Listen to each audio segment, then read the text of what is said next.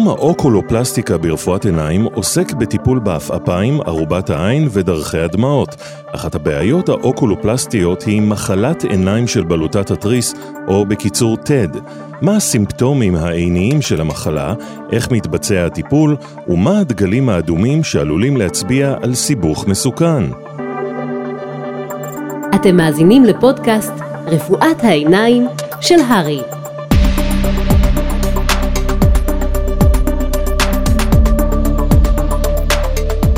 שלום וברוכים הבאים לפודקאסט רפואת העיניים של הארי.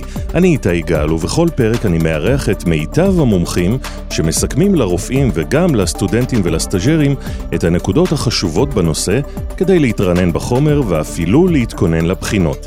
הפעם כאמור נעסוק בתחום האוקולופלסטיקה ונתמקד בטיפול במחלת ה-Thyroid Eye Disease, או בקיצור TED. איתי באולפן מתארחים דוקטור ענבל אבישר, יושבת ראש החוג לאוקולופלסטיקה בישראל. שלום ענבל. שלום איתי. והדוקטור עודד שגיב, סגן מנהל מכון העיניים במרכז הרפואי שיבא. שלום. שלום איתי, שלום דוקטור אבישר.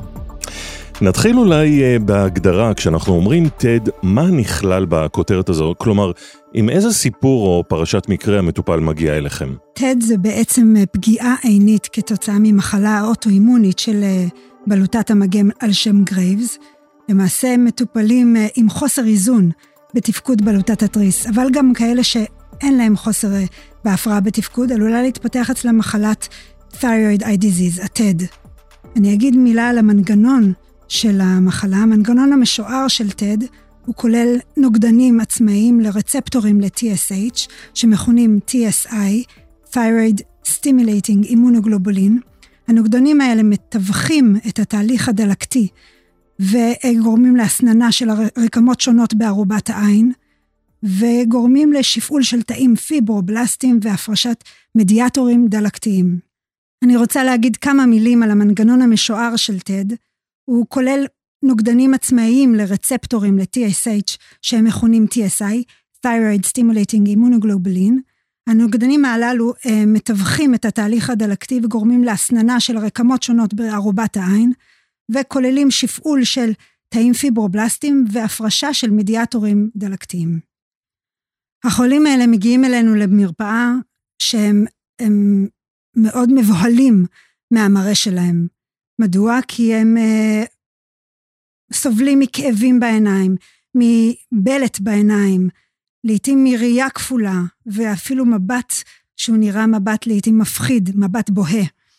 התהליך הדלקתי שדיברתי עליו בטד, הוא יכול להשפיע על העין, על האפפיים ועל הרקמות השונות של ערובת העין, ולשנות את המראה של הפנים על ידי גרימה של נפיחות, אודם, וגם רטרקציה, שזה בעצם אה, משיכה של האפפיים כלפי מעלה, וגם משיכה של האפפיים כלפי מטה, וכתוצאה מכך העיניים גם יכולות לצאת החוצה ולגרום כך למר, למבט בוהה, או בליטה קדימה של ארובות העין, שנקראת גם פרופטוזיס.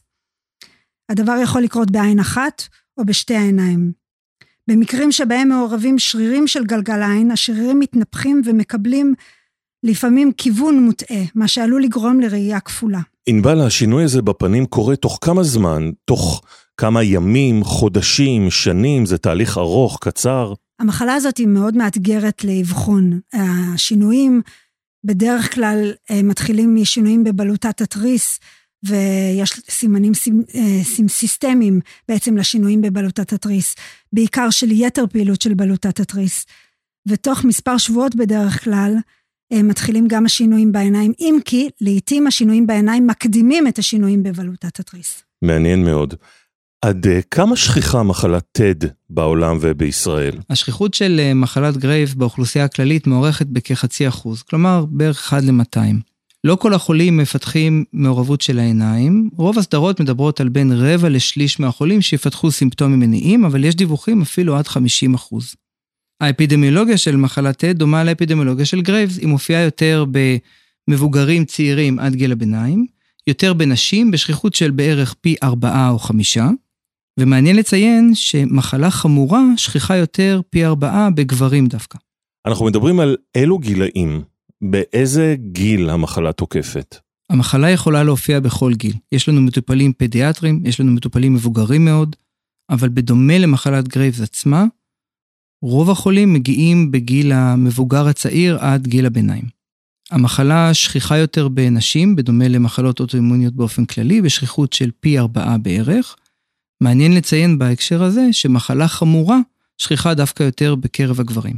יש אה, גורמי סיכון למחלה, סיפור משפחתי, מחלות, טראומה, תרופות? הגורמי סיכון העיקריים הם רקע של מחלה בבלוטת התריס, בעיקר יתר פעילות של בלוטת התריס, מה שאנחנו קוראים גרייבס, אה, אבל ייתכנו גם אה, מחלות נוספות שקשורות בבלוטת התריס. כמובן שמחלות אוטואימוניות במשפחה מעלות את הסיכון לחלות במחלה של בלוטת התריס, ובהתאם לכך גם של מחלת העיניים. טיפול ביוד רדיו, רדיואקטיבי יכול לגרום להתפרצות של המחלה, ודבר מאוד מאוד חשוב לדעת שעישון הוא גורם סיכון חשוב ומרכזי לפתח את המחלה, זה מגביר את הסיכון פי שבעה עד שמונה. עישון, זה, זה נתון שלא הרבה יודעים שעישון מגביר את הסיכון למחלת TED. עישון, לא רק שהוא מגביר את הסיכון למחלת TED, הוא גם הופך את המחלה לקשה יותר לטיפול. ענבל, באמת במרפאה את רואה שהחולים האלו הם יותר מעשנים או מעשנות? בהחלט, החולים האלה הם הרבה יותר מעשנים, ובעיקר מי שנדרש לטיפולים האינטנסיביים והקשים יותר, הם החולים המעשנים. דיברנו קצת על הרקע של המחלה, מה התסמינים העיקריים, על מה החולה יתלונן? צריך להגיד שהחולה לא תמיד יהיה מודע לזה שהוא מפתח סימפטומים מיניים, כי הם יכולים להופיע בצורה חלקית או בצורה הדרגתית מאוד. אנחנו מדברים ברטרוספקטיביות על שינוי במראה, על תחושה של יובש מוגבר בעיניים, כאבים בעיניים שיכולים להיות רק בכיווני מבט מסוימים, או לאורך כל היום. כפל ראייה הוא גם תלונה שכיחה שמופיעה פתאום, וגם הוא יכול להיות רק בפעילויות מסוימות ולא לאורך כל היום, אבל הוא בהחלט מעיד על התקדמות של מחלה בתוך ארובת העין. יש חולים שהתלוננו על שינוי בחדות הראייה או שינוי באיכות הראייה בפעילויות מסוימות, בתנאי תאורה מסוימים. וסימן קלאסי מאוד שכיח זה אודם ונפיחות כרוניים שמופיעים. כמו שאמרתי, הסימפטומים יכולים להיות מאוד הדרגתיים, ולכן יש נטייה לאיחור בהבחנה. זה דבר מאוד שכיח. עשו עבודות על זה שהראו שבממוצע, מהרגע שחולה אה, התחילו לו הסימפטומים ועד שהוא הגיע אליך פעם ראשונה למרפאה כרופא עיניים, עברו בדרך כלל שישה חודשים. זה הממוצע. שישה חודשים עד להבחנה, אלא אם כן העירו להם על הפנים, על השינוי במראה הפנים, נכון ענבל? הרבה פעמים הם מגיעים בגלל השינויים האלה, וזה המפתח להבחנה. ואני יכול להגיד גם שאנחנו אה, מדגישים את זה בכל מיני שיחות או כנסים שאנחנו עושים בקרב רופאי קהילה, בין אם רופאי עיניים, גם אנדוקרינולוגים, רופאי משפחה, על הנושא של high index of suspicion, אה, כדי להגדיל את הזיהוי המוקדם ואת ההפניה המוקדמת אלינו.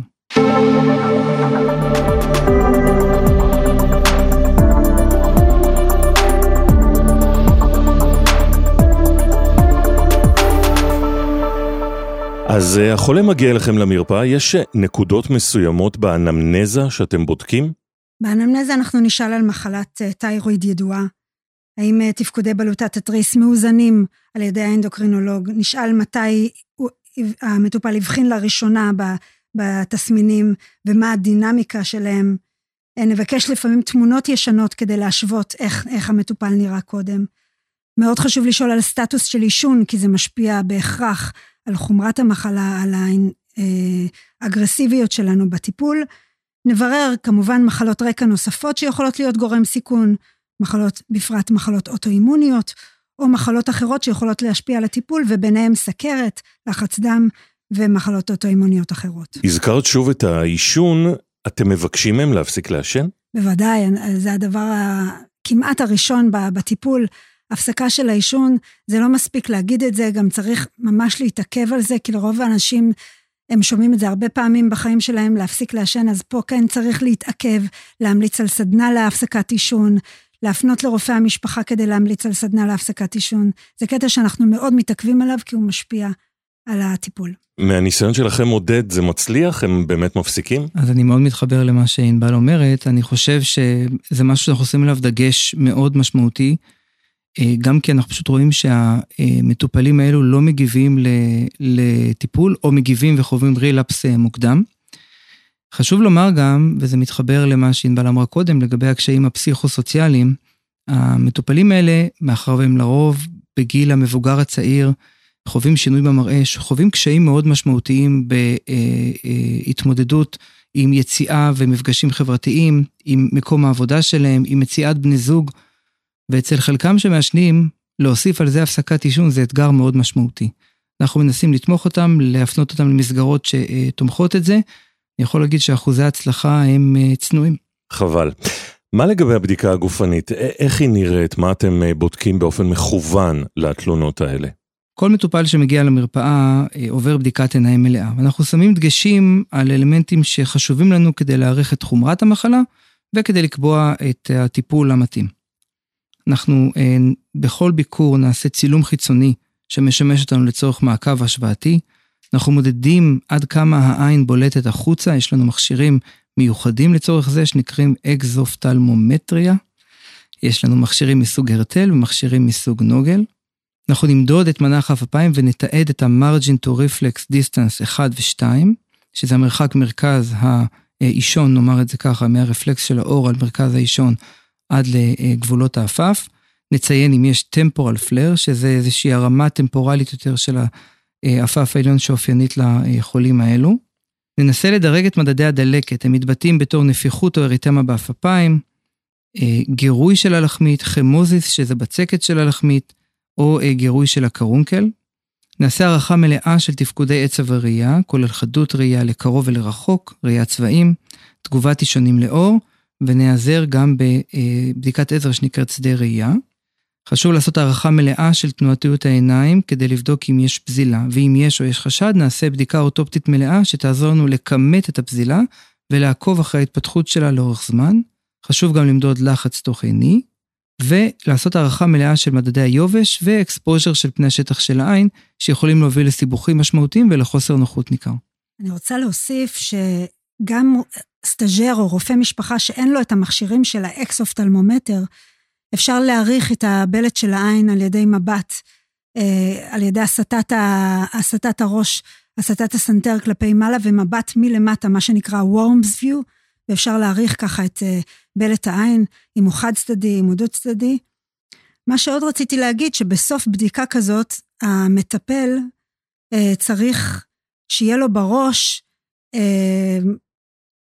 שיהיה לו בראש את המדדים של חומרת המחלה, איך הוא מעריך את חומרת, האם המחלה קלה או בינונית עד קשה או חמורה מאוד שמסכנת את הראייה, וגם את הדירוג של האקטיביות של המחלה, מה שאנחנו קוראים CAS, ה-Clinical Activity Score, שזה עודד ציין ומנה את כל המדדים של הדלקת שאנחנו אה, מונים אותם. הדבר הזה הוא ישפיע בצורה אה, חד חד ערכית על איזה, איזה טיפול לתת ומתי לתת והאם לתת. איזה טיפולים. מה נכנס פה בהבחנה המבדלת? קודם כל, התמונה היא מאוד פתוגנומונית הרבה פעמים. זאת אומרת, המטופל, איך שהוא נכנס לחדר, אתה יודע מה יש לו. בגלל הבלט עין והריטרקציה שדיברנו של האפפיים, המצב רוח הגרוע שהוא נמצא בו, והתלונות על הפזילה ועל החוסר נוחות ועל השינוי במראה. ודוקטור, תחזיר לי את העיניים שלי בחזרה, תחזיר אותם אחורה, תחזיר אותם פנימה וכן הלאה. אבל אה, הבחנה מבדלת קיימת במקרים שאין רקע ידוע של מחלת התריס, או שיש התייצגות חד צדדית, או שהסימפטומים הם חלקיים ולא לא קיימים בצורה הקלאסית שלהם. אז הבחנה המבדלת היא רחבה לפי הסימפטומים, אבל יכולה לכלול פתולוגיות ארובתיות אה, שונות כמו אורביטל אינפלמיישן, גידולים בארובת העין, פיסטולה וסקולרית מוחית אה, ועוד. אבל צריך לזכור שבמקום הראשון שאנחנו מדרגים בהבחנה מבדלת בלט עין, בין אם הוא חד צדדי ובין אם הוא דו צדדי, זה ה-TED. זה המחלה הכי שכיחה שגורמת לבלט עין חד צדדי ודו צדדי. מה קורה כשרופא המשפחה חושד במחלה הזאת? הוא יכול לעשות משהו עד לתור לרופא עיניים, או שחובה להמתין עד אליכם? רופא המשפחה יכול לעודד הפסקת עישון, ולהסביר שזה באמת יכול לשנות את כל מהלך המחלה. הוא יכול לתת טיפול בלובריקציה, בתחליפי דמעות, ובמידה ויש הבחנה ידועה של המחלת תיירואיד, והמחלה היא נראית לו קלה, להתחיל טיפול בסלניום, שזה ויטמין שהוא נוגד חמצון, והוא, במחלה קלה, הוא, הראו שהוא עוזר ומפחית את הסימנים הדלקתיים הקלים. יש דגלים אדומים שמחייבים הפניה דחופה למיון עיניים? לתיירוד איי דיזיז יכולים להיות סיבוכים מסכני ראייה. הם כוללים שלושה דברים באופן אה, גס.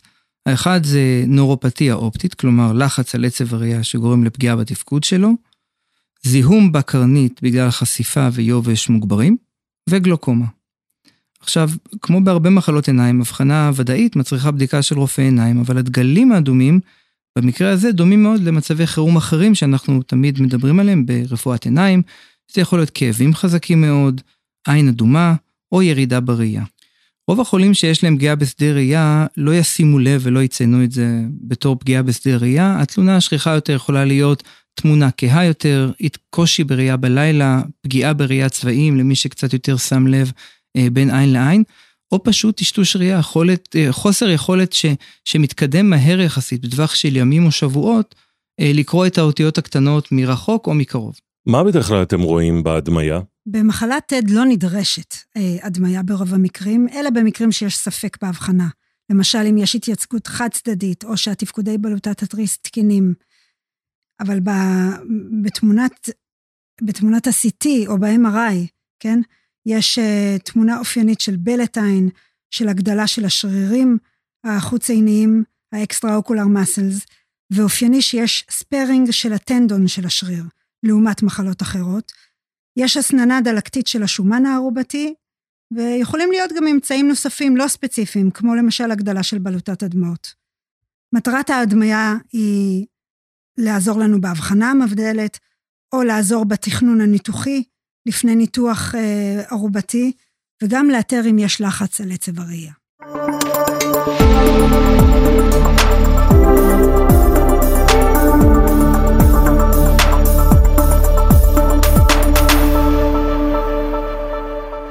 בואו אה, עכשיו נעבור לשלב הטיפול, מה יש לכם להציע למטופל כזה? אז הטיפול באופן כללי מתחלק לטיפול תרופתי ולטיפול כירורגי. חשוב להבין שלמחלה יש מהלך מאוד שונה בין מטופלים שונים, אבל בגדול אנחנו מתייחסים בכל חולה לשלב פעיל, שהכוונה שזה שלב פעיל מבחינה דלקתית, ולשלב שהוא לא פעיל. בשלב הפעיל, באופן קלאסי, אנחנו מתמקדים בטיפול תרופתי אנטי-אינפלמטורי.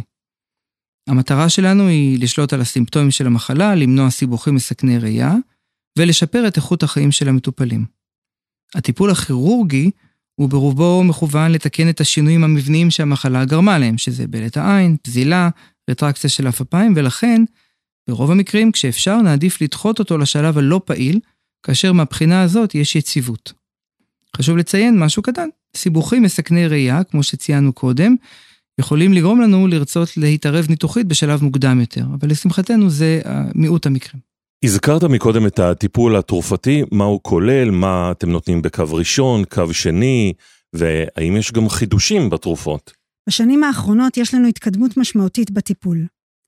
גם הוקמו מרפאות מולטי דיסציפלינריות שמשלבות אה, טיפול של רופא עיניים יחד עם רופא אנדוקרינולוג ויחד עם רופא אימונולוג, שמומחה בטיפולים התרופתיים החדשים. ממש בבתי חולים ציבוריים? בהחלט, כן איתי. וגם נכנסו תרופות חדשות, ועל פי התרופות החדשות גם עודכנו הקווים המנחים אה, לטיפול. אנחנו לרוב פועלים לפי הקווים המנחים של הקבוצה האירופאית למחלה. הקבוצה נקראת יוגוגו. הקבוצה מנהלת אה, מחקרים בנושא ומפרסמת קווים מנחים שמתחדשים כל כמה שנים. לפי הקבוצה הזאת, הקו הראשון שמקובל כבר הרבה שנים הוא הטיפול בסטרואידים, סטרואידים דרך הווריד. לפני שאני אפרט על הטיפול בסטרואידים, אני רק אגיד שהשלב הפעיל של המחלה נמשך בדרך כלל בין 18 ל-24 חודשים, והמחלה למעשה יכולה לחלוף בצורה ספונטנית, עצמונית, מה שנקרא Self-Limiting Disease. אבל אה, בגלל שהיא עלולה להיות כל כך מטרידה רגשית, והיא משפיעה כל כך על המראה החיצוני ועל איכות החיים, אנחנו בחלק מהחולים מאוד, אה, שהם מאוד נסערים, עם תסמינים משמעותיים, אנחנו נרצה לטפל בצורה אה, מוקדמת כדי להפחית את הסימנים ולהקדים אה, את ההחמרה שלהם. אז האופציות הטיפוליות למחלה בחומרה הקלה, כמו שאמרתי, כוללות הפסקה של עישון ושימוש בטיפות עיניים, לשימון העיניים, וגם טיפול מקומי ללחץ תוכני באותם חולים שיש להם לחץ אה, גבוה, תוספת סלניום, שזה הוויטמין נוגד החמצון שהוכח כיעיל במחלה הקלה. אבל במחלה החמורה יותר, שמוגדרת בינוני עד חמורה, המטרה היא באמת לקצר את השלב האקטיבי ולשפר את התסמינים של המטופל. ובאמת מרגע שאת מתחילה טיפול תרופתי, מתי מתחילים לראות את השינוי בפנים שלהם? היעילות של הטיפול היא בין קצת יותר מ-50% לפי עבודות שונות עד 80%. נדיר שמושגת תגובה מלאה. הטיפול הסיסטמי הוא כולל תרופות שמדכאות את המערכת החיסונית כמו סטרואידים. מטופלים שלא מגיבים לטיפול הזה יצטרכו קו שני של תרופות, מה שנקרא אימונוספרסיביות אחרות, שהן ניתנות לבד או במשולב יחד עם הסטרואידים. לצערנו, ואנחנו אומרים את זה למטופלים, שאנחנו לא נוכל לחזות את התגובה של כל מטופל ולא נוכל לדעת בוודאות עד כמה הטיפול יעזור. וגם ייתכן שהמטופלים יזדקקו לטיפולים נוספים, תרופתיים או כירורגיים. אני חושב שכשמדברים על אה, תרופות קו ראשון היום, אי אפשר שלא לדבר על תרופה חדשה שקיימת בשוק, שנקראת טפזה, או בשמה הגנרי טפרוטומומב. זו תרופה שהיא נוגדן לאנטי IGF-1. היא אושרה ב-2018 על ידי ה-FDA האמריקאי אה, לטיפול בטד, זו התרופה היחידה, או הראשונה שאושרה אה, אל, ה, אל האינדיקציה הזו. התרופה הזו הראתה יעילות מרשימה לא רק בהפחתת תסמיני דלקת, כמו שאנחנו רואים בסטרואידים, אלא גם בהפחתה של בלט העין ונפח השרירים ש, של ערובת העין שמוגדלים במחלה הזו. ובשנים שעברו מאז הצטבר בעולם ניסיון לא מועט, ואנחנו יודעים היום שפרופיל הבטיחות שלה הוא די טוב. יש צורך במעקב אחרי תפקודי שמועה, שמיעה, סליחה, איזון גלוקוז בסכרתיים, אבל היינו מאוד שמחים אה, להשתמש בה יותר. לצערנו, התרופה הזו לא זמינה נכון להיום באופן מסחרי מחוץ לארצות הברית, אה, ובארץ מי שקיבל אותה זה מטופלים בודדים שקיבלו אותה כקו שני, אה, אחרי כישלון של סטרואידים ורק במימון חברות ביטוח פרטיות. אנחנו מקווים שבשנים הקרובות נוכל לראות אותה גם בארץ. אז רגע, עודד, אולי אני אגיד אה, מילה על הטיפול בסטרואידים, שזה הטיפול שאנחנו בעצם נותנים אה, בפועל, כי את הטפזה אנחנו לא מצליחים לקבל לרוב. אז המתן אה, של סטרואידים הוא ניתן תוך ורידי, וזה הטיפול של הקו ראשון שמקובל בטד. יש מחקר מבוקר רנדומלי שהראה שהתגובה לטיפול היא במעל 80% מהמטופלים, לעומת 11% בקבוצה שטופלה בפלסבו. הטיפול הפומי בסטרואידים הוא נמצא גם כן יעיל, אבל פחות מהטיפול התוך-ורידי. וגם הוא נסבל, התוך-ורידי נסבל בצורה טובה יותר, מבחינת תופעות הלוואי. הפרוטוקול המקובל היום, לפי היוגוגו, שדיברתי עליו מקודם, הוא טיפול מחזורי שבועי במתיל פרדניזולון במשך 12 שבועות, והוא כולל בסך הכל 4.5 גרם של אה, סטרואידים. מקובל לתת אחת לשבוע אה, בשישה שבועות הראשונים 500 מיליגרם, ולאחר שישה שבועות עוד שישה שבועות של 250 מיליגרם פעם בשבוע. סך הכל 12 שבועות. יש פרוטוקולים נוספים, בעיקר במקרים הקשים, שאפשר לתת מינונים יותר גבוהים, אבל היוגוגו ממליץ לא לתת מעל 8 גרם מטיל פרדניזולון במחזור הטיפולי, בגלל סיכון יתר לתופעות הלוואי, כולל טוקסיות לכבד, סיבוכים קרדיו-וסקולריים. אז המתן התוך ורידי הוא הטיפול הממלץ בסטרואידים, למרות שישנם אופציות נוספות, אפשר לתת גם פומי, דרך אגב אפשר לתת גם בזריקה לתוך הערובה, אבל אה, זה יעיל פחות ויש לו גם תופעות לוואי כמו דימום מאחורי אה, גלגל העין או זיהום, ובגלל שהוא פחות יעיל, המתן התוך ורידי הוא המומלץ, וצריך לציין שצריך לתת את הטיפול הזה בצורה איטית, מומלץ, על פני שעה עד שעתיים. מה לגבי אה, תרופות קו שני, יש כאלה? כן, איתי, בטיפולים קו שני יש לנו עוד הרבה אפשרויות. רטוקסימאב, אקטמרה, קורס חוזר של סטרואידים, רק צריך לקחת בחשבון את המינון המצטבר, הקרנות חיצוניות לערובת העין, בעיקר בשילוב עם הסטרואידים רצוי, וגם פרדניזון פומי בשילוב של סלספט או אימורן.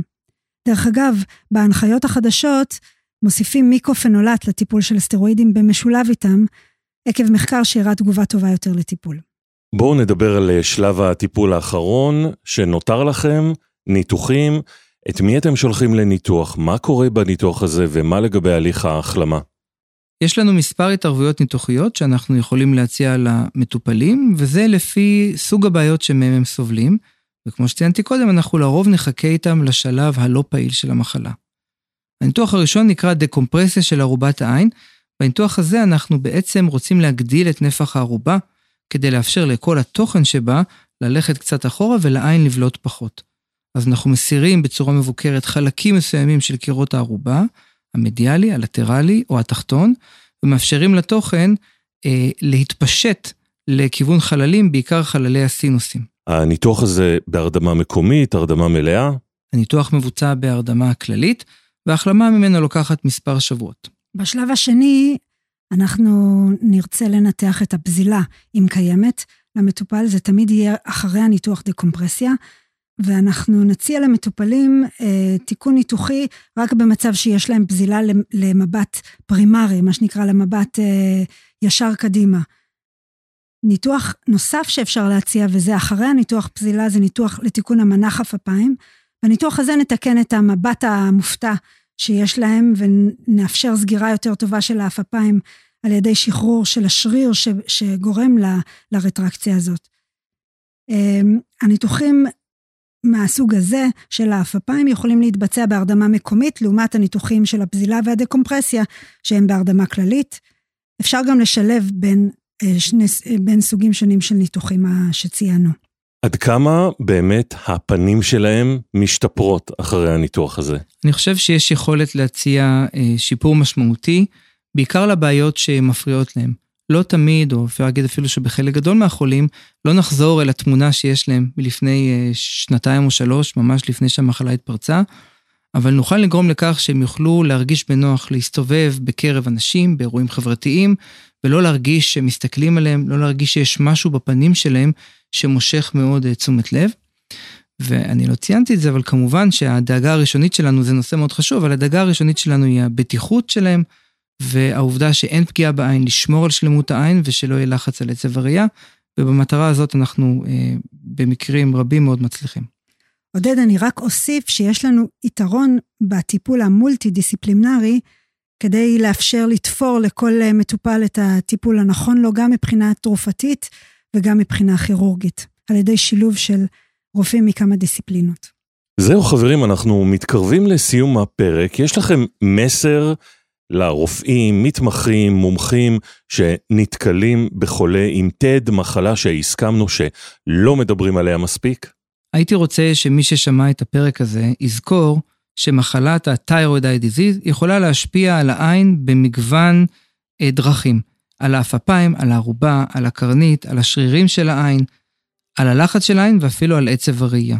ומכיוון שהסימפטומים יכולים להיות כל כך חלקיים וכל כך אה, להתפתח לאט, נדרשת מאיתנו מה שנקרא High Index of Suspicion, כדי להפנות מוקדם לבדיקה של רופא עיניים בכל חשד שעולה למעורבות עינית. אגב, אה, ראינו בחדשות לאחרונה שהרבה מאוד אה, מטופלים ברחבי העולם פנו לרופא עיניים בעקבות סלפי, בעקבות איזשהו וידאו ברשתות החברתיות, ומישהו העיר להם בתגובות, גם אתם נתקלתם בכאלה? בהחלט, זו תופעה מאוד שכיחה, שמגיעים חולים ומספרים, אני לא שמתי לב, אבל בתמונות של החתונה, או כששלחתי תמונות על המשפחה, אה, העירו לי על זה. אה, איך אומרים? מה שעוזר להם להגיע אלינו זה טוב. חוכמת ההמונים, ענבל? יש הרבה התקדמות בשנים האחרונות, דבר שמשנה את הגיידליינס, את ההנחיות אה, כל הזמן. חשוב להפנות את המטופלים למרפאות האלה, המולטי-דיסציפלינריות שדיברנו עליהן, כדי שבאמת אפשר יהיה לתת למטופלים הקשים האלה את הטיפול המיטבי. ועם המסרים החשובים האלה שלכם, נגיד תודה לדוקטור ענבל אבישר ולדוקטור עודד שגיב על שהתארחתם באולפן הארי שלנו. אנחנו מזמינים אתכם להאזין לכל הפודקאסטים הרפואיים שלנו, ויש לכם כבר מבחר גדול של פרקים מוכנים להאזנה בכל אפליקציות הפודקאסטים. אתם מוזמנים גם לעקוב אחרי כל העדכונים של הארי ברשתות החברתיות, פייסבוק, אינסטגרם וטוויטר. אנחנו מקווים שהיה לכם מעניין, ונתראה בפרק הבא.